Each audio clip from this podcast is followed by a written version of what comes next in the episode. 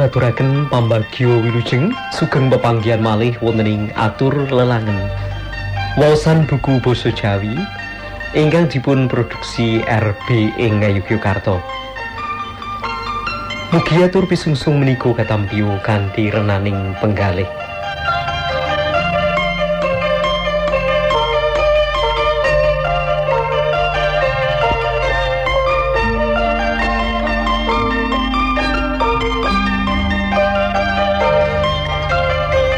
Mengasa mangki badhe ngaturaken sameting cariyos Kesrimpet Jaring Sutro Seratanipun Ardini Pangastuti kapetik saking keluarti Mekarsari. Ngaturaken seri ingkang angka 6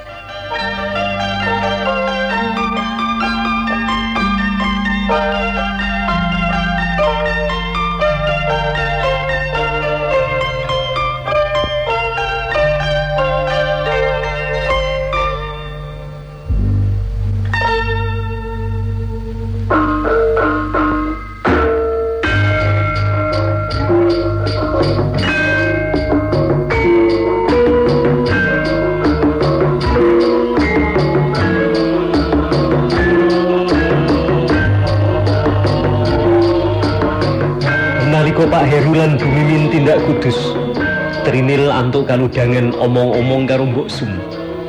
Saka Mbok Sum, Trinil mangerteni sejarah keluargane Pak Heru. Mbok Sum pancen wis puluhan taun ngabdi ing kene, saengga ngerti lan nyipati maneka warna lelakon. Tetelo Pak Heru iku turunan Londo saka ibune yaiku Bu Laksmi. Sawisi wong tuane tilar donya, kabeh warisan arupa persil kopi lan perkebunan sing jembar banget.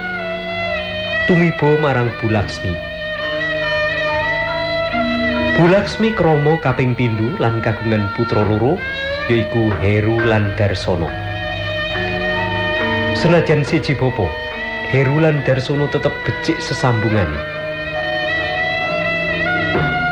Biyen Heru seneng ngrentengi cah wadon sarta ngombe minuman keras.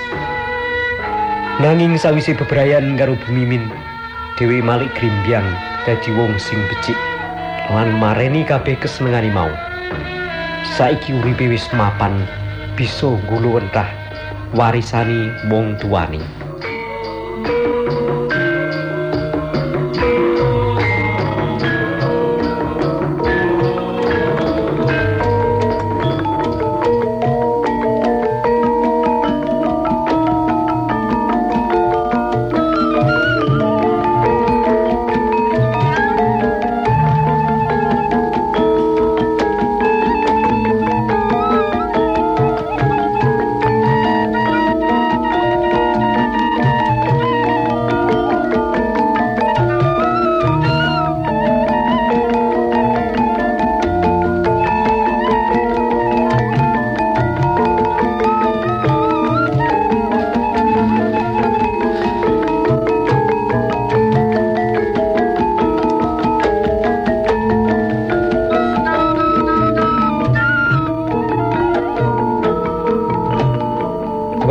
Pancen cepet banget lumaku. Saraswati sing nalika digo menyang Semarang isih arupa bayi abang. Saiki wis bisa mlaku, wis bisa playon. Omongane akeh. Cemlewu. Nanging malah ndemenake. Wong-wong ing omah kuno malah dadi sansaya gemes marang Saras.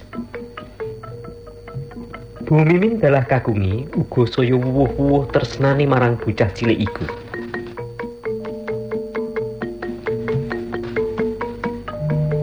Wis kaya yen marang anake dhewe. Yen metu utawa ana acara sing ora pati resmi, kerep dijak. Nganti trini lan karya sing wong tuani asli kerep ora kumanan. Lah esuk nganti bengi bocah kuwi luwih kerep karo bapak lan ibu angkate.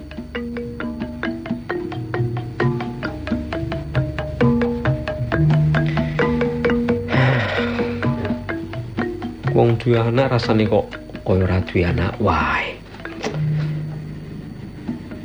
pangresai karya ing sawijining wengi.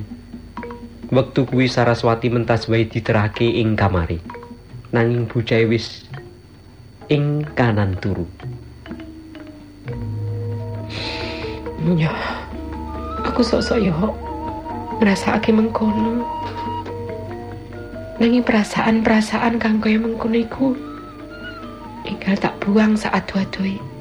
Sebab arep dikepriya wae yang dipikir jero kita iki ra isih bejo sepisan ana wong sing gelem ngopeni lan tresnani Saras kanthi tulus kaping pindho kita pinangka wong tuane uga isih duweni hak sautuhe marang Saras senajan dheweke wis didadekake anak angkat dening keluarga Heru kaping telu kita uga nampa fasilitas kang akeh saka keluarga Heru. Ing kene kita isih diuwongake. Tegese senajan derajat kita luwih asor. Nanging Pak Heru sekalian tak tetep ngajeni marang kita. Ora tau nganggep kita pembantu utawa andani. Senajan kita mangan turu lan sak piturute nunut dheweke. Nanging aku rak yo nyambut gawe. Karyo munggel omongane sing wadon sing durung rampung. Alah, aku nyambut gawe tadi pesuruhe. Saupama pesuruh iku dudu duweke Pak Heru. Jenengan nak ora kira dibayar akeh kaya saiki. Karo meneh upama dikurs. Dihitung-hitung karo panganan sing saben dina kita maem. Panganan sing kita pangan, panggonan sing kita panggoni. Bayarin jenengan kuwi ora bakal ngukup.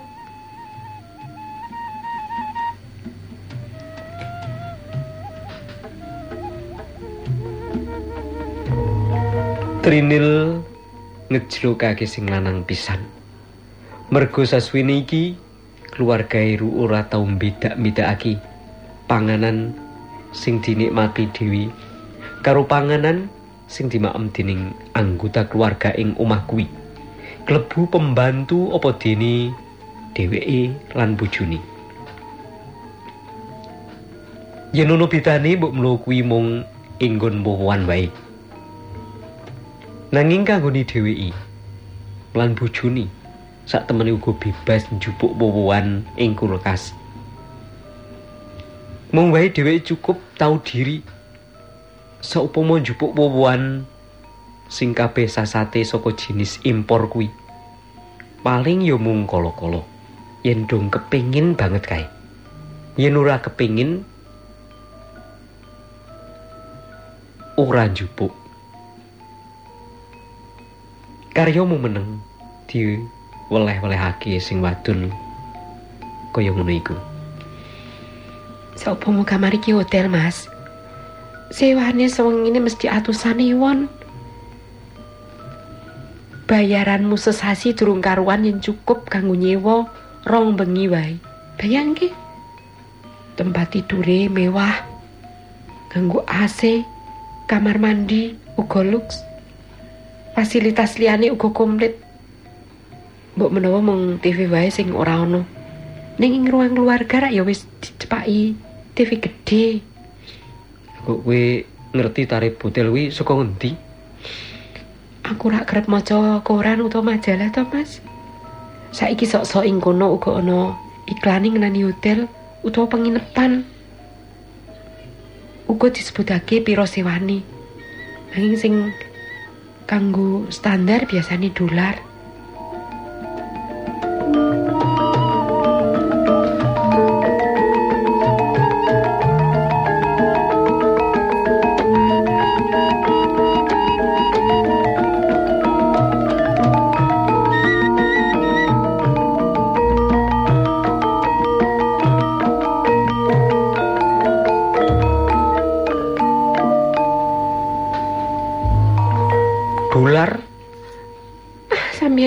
Ketinggalan zaman. Mbok yen pas selo kae dinggo maca, ora sempat ing kantor. Ing rak yo ana koran. Tinimbang ngobrol karo Pak Menot ora alwung dinggo maca.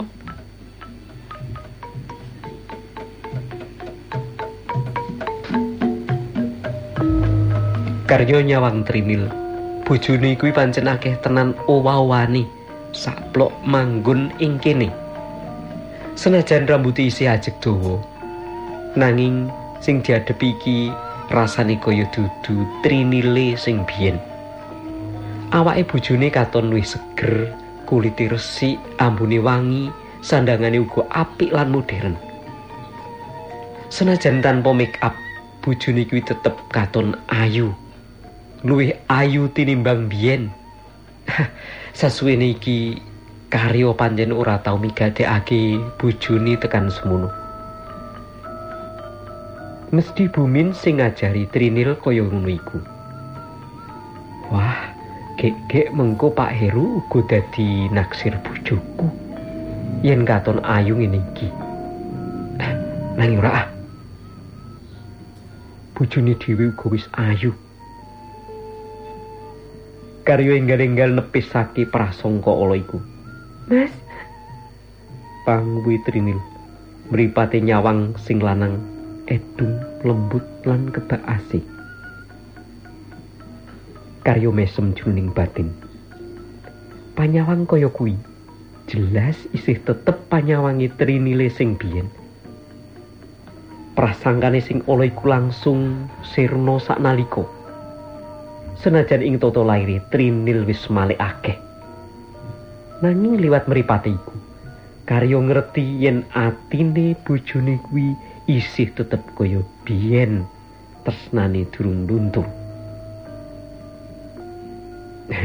Karyo mesem ombo bojone diruket diaras.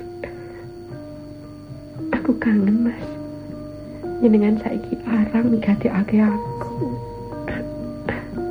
Ora wae. Kuwi mung perasaanmu. Leo, jenengan angger-angger ibu kamar mesti bengi-bengi. Luwih abot karo TV utawa Mbak Minot tinimbang aku.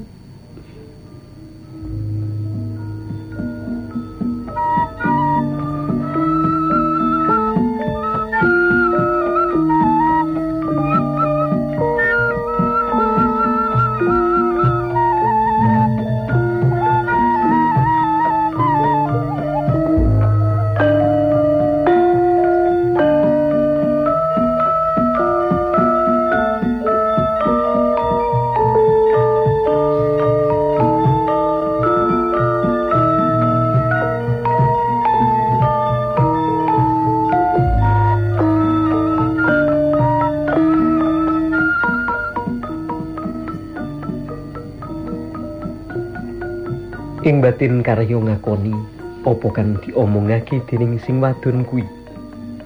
Yen wis nonton bal-balan, dheweke pancen kerep lali. Nanging yen soal Pak Menot, dheweke pancen ora bisa ngindani. Yen wong tuwa kuwi teka lan ngajak omong-omongan utawa main gaple nganti bengi. Karyo ora bisa nolak. Karo maneh yen mlebu kamar isih sore banget. Dewi yo sungkan. Senajan Pak Heru lan garwani mbok menawa ora tau ngrewes. Mergo kamare kepisah ing dhuwur. Nanging rasane karyo yo tetep sungkan.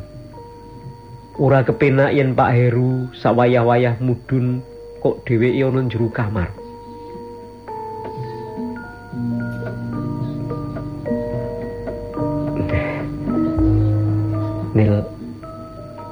Aku kepingin duwe anak meneh. Amrih kita tetep duweni hiburan. Sak mangsa Saras ora ana ing cedak kita. Aku ya setuju. Nanging rasa iki, Mas.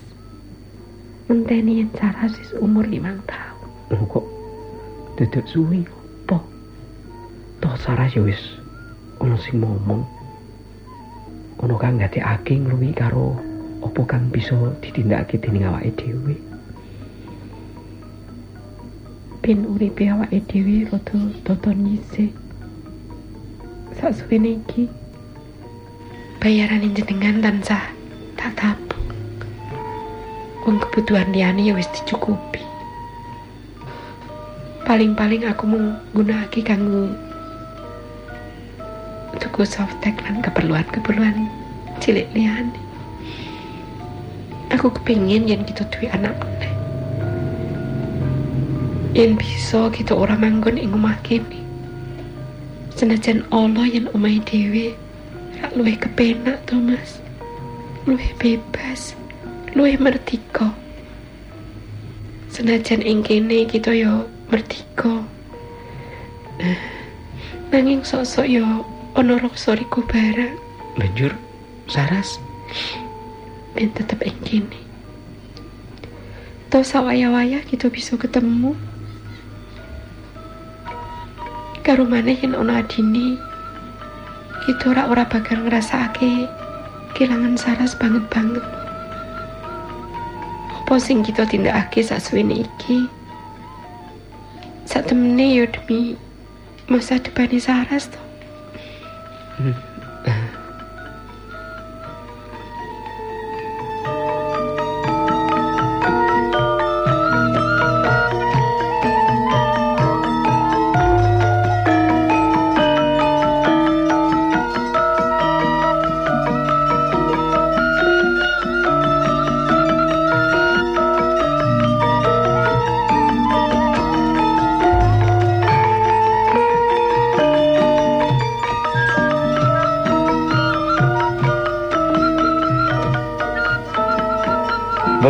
Saya merambat, saya sepi.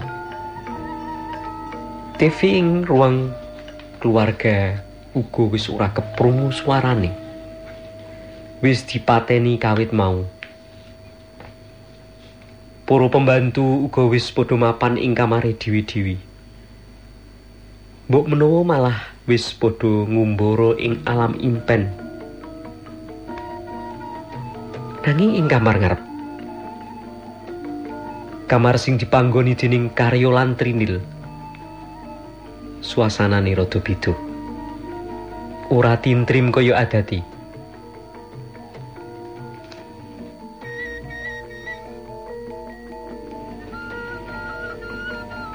Stilo-stilo keprungu swara panguwuh lan panjelih lirih.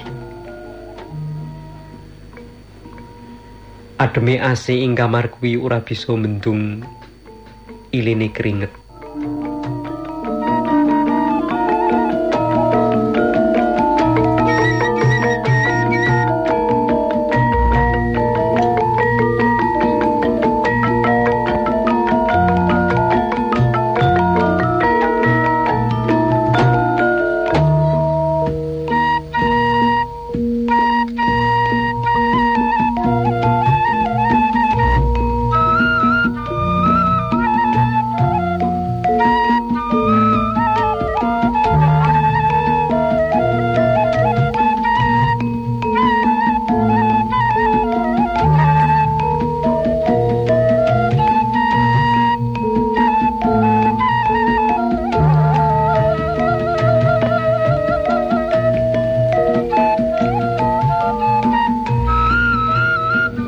Trinil dadi rada nubras-nubras nalika dikagetake suarane Saras kang nangis njaluk metu.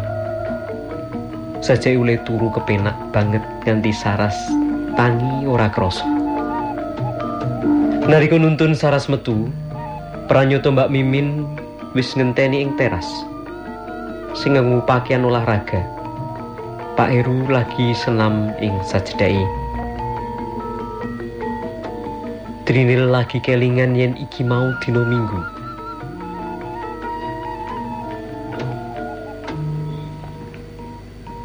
Ayo melaku-melaku. Eh, Saras nyuwun ganti dhisik. Alo Mbak Min. Trinil ngajak anake mlebu kamar maneh. Ing batin setengah rada isin nganti kerinan. Apa maneh rambut isi awut-awutan. Lan nganggo klambi turu pisan.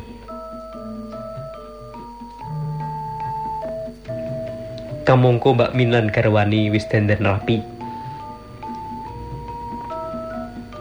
Sawise dinggoni sepatu lan klambine diganteni, nganggo pakaian olahraga. Saras banjur diterahke metu maneh. Arep mlaku-mlaku dhisik ya Jeng Trinil. Ayo Saras. Pamit Ibu.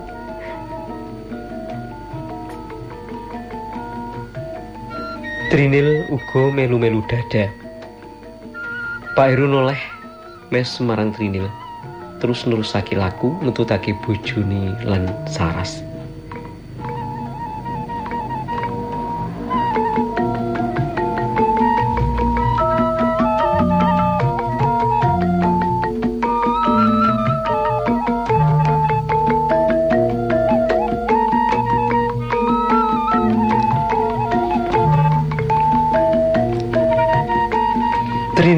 Rumangsa trenyuh weruh sikape wong loro iku marang anake.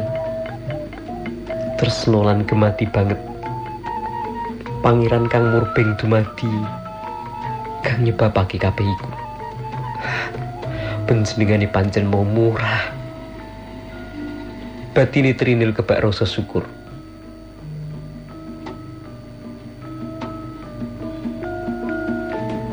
Nganti sauntara oleh ngadeg ana gunung. Nganti wong-wong sing diuntapake mau ora katon maneh. Trinil banjur enggal-enggal mlebu omah. Kelingan yen dhewe isih nganggo pakaian turu. Oh, tak arani melu mlaku-mlaku iki mau. Kopine kae lho nak Trinil. Ujare Mbok Sum nalika dheweke lagi manyuk tekan ngarep pelawang. Wong tua kuwi nggawa tas gedhe arep budal blonjo. Matur nuwun. Kok rada kerinan iki mau aku, Mbak. Durung adus.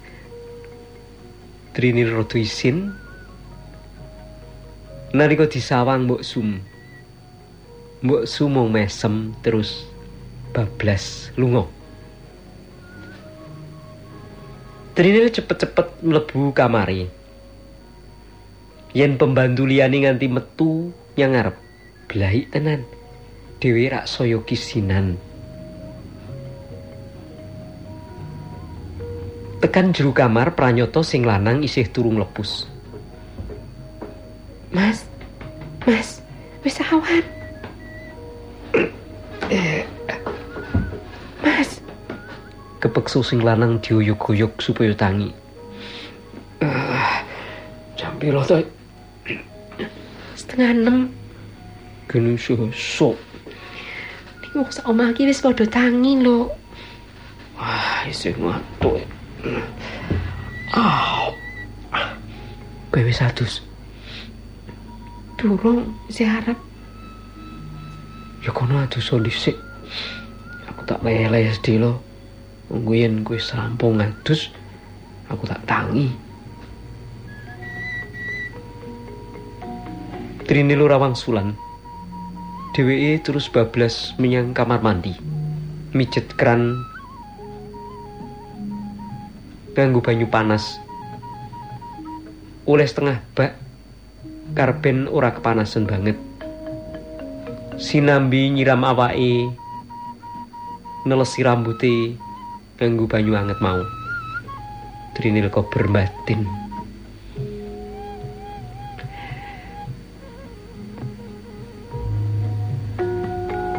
Urip ning swarga. Pangeran Kang Morbeng dumadi pancen maha murah. Alo ing jero ati karo nyabuni awake.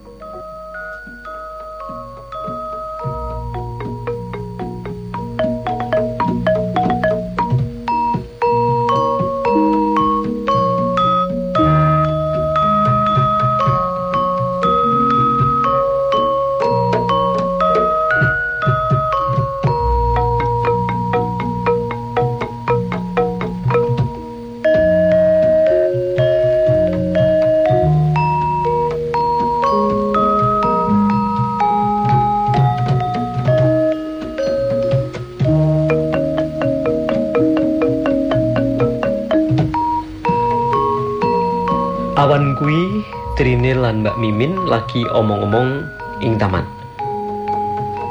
Saras dolanan bandulan ing sajedake. Aku lan Mas Heru biyen oleh rapi wis padha dene tuwa. Umurku wis 30 tahun. Mas Heru dhewe ya wis meh patang puluh. Juga tuwa. Pikirku mergo saking akeh pacare, dadi kangelan anggone arep milih. Aku dhewe mauni yo ora niat omah-omah. Mergo tau ditatoni lan nganti nabet banget ing ati. Nanging bareng ketemu Mas Heru, jebul oleh ora rabi-rabi mergo uga duweni masalah kang meh padha karo aku. Sesuai aku lan dheweke kok rumangsa cocok.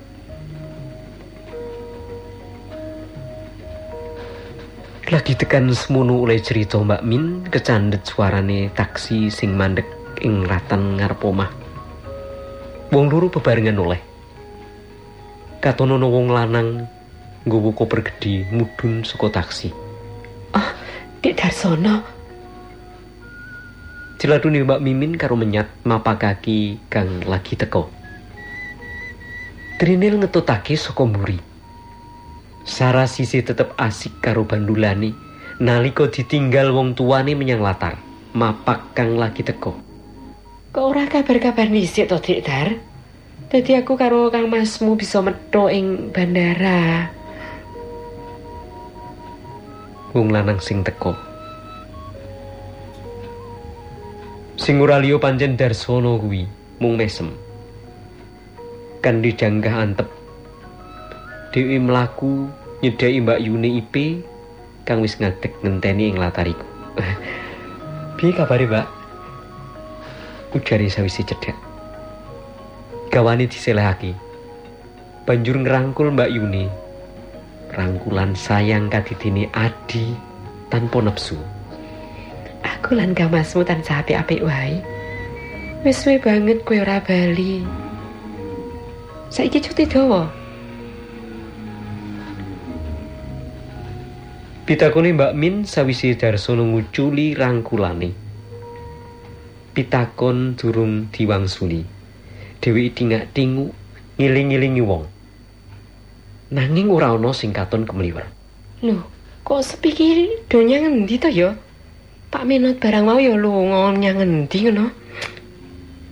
Grenengi bareng ora nemokake wong stugel-tugelo. Rob, apa kenti? Pemarkona. Rene lho. Mbok nyang ngarep salah siji. Iki koper iki digawa mlebu. Pambunguki marang para abdi. Mbak Min banjur ngadep marang adine maneh. Nanging mripate adine kuwi katon lagi migatekake Trinil sajak sumugumun. Mbak Min tanggap. Iki jeneng Trinil. Nganti lali aku. Iki adine Mas Heru. Darsono. Ujare Mbak Min nepungake Darsono marang Trinil. Darsono. Trinil. Darsono ngulungake karo mandeng Trinil kedhep tesmak. Trinil nampani tangan prakusa iku.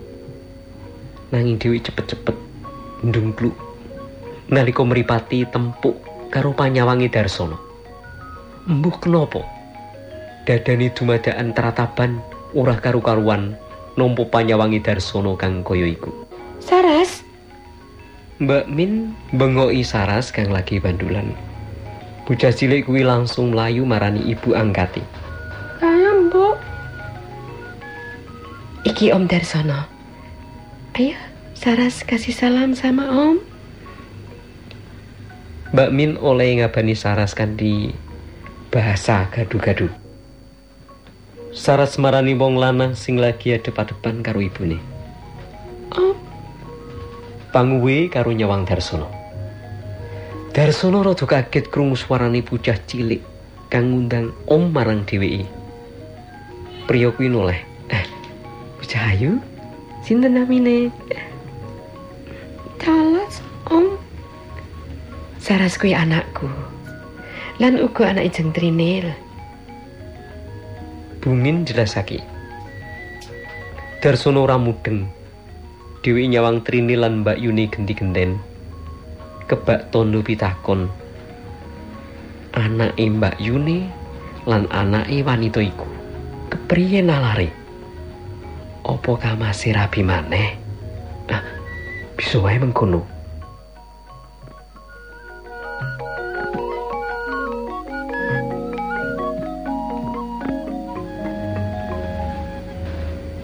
Sebab dhewe wis meh patang taun ora bali. Dadi ora ngerti apa kang kedadian ing kene.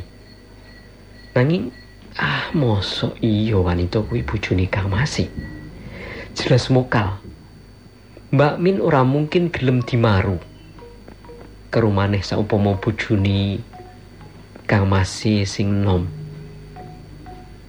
Anake umure rak durung semono kuwi. Bocah cilik iku umur-umurane paling ora telung tahun kliwat. Mosok wong kawin langsung duwe anak ra ora. To mbu yen pancen wis ana skandal sadurunge. Maneka warna pikiran kang tuwuh ing sirahe Darso. Mbak Min guyu nyekiki weruh adi pene katon bingung kaya iku. Trinil mung dingkluk nyekeli pundhake Saras. Dheweke babar pisan ora wani nyawang priya iku. Ayo saiki munggah dhisik. Mengko tak jelasake. Ayo. Uh, sik ya Saras. Ibu ngeterake om dhisik. Ya.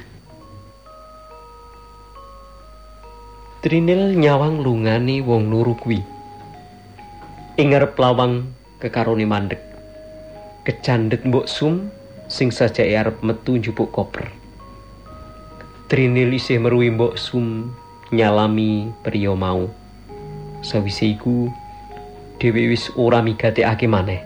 Mergo Saras ngajak menyang taman. Nerusake oleh bandulan.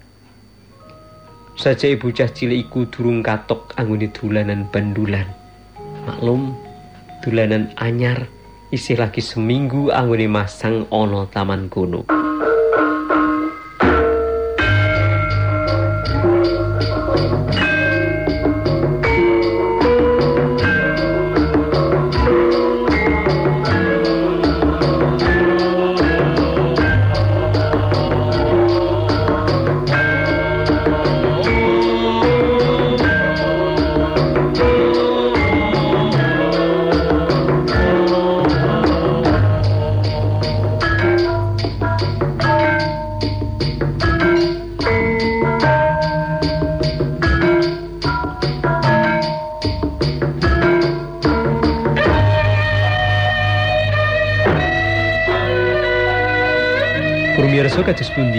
Sambeting cariyos kesrimpet jaring sutra.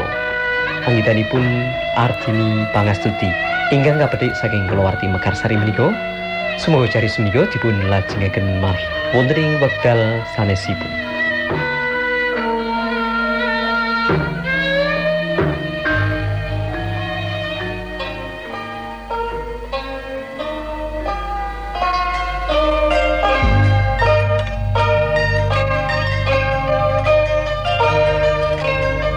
Semanten atur lelangan wawasan buku Boso Jawi ingkang dipun produksi RB ing Yogyakarta.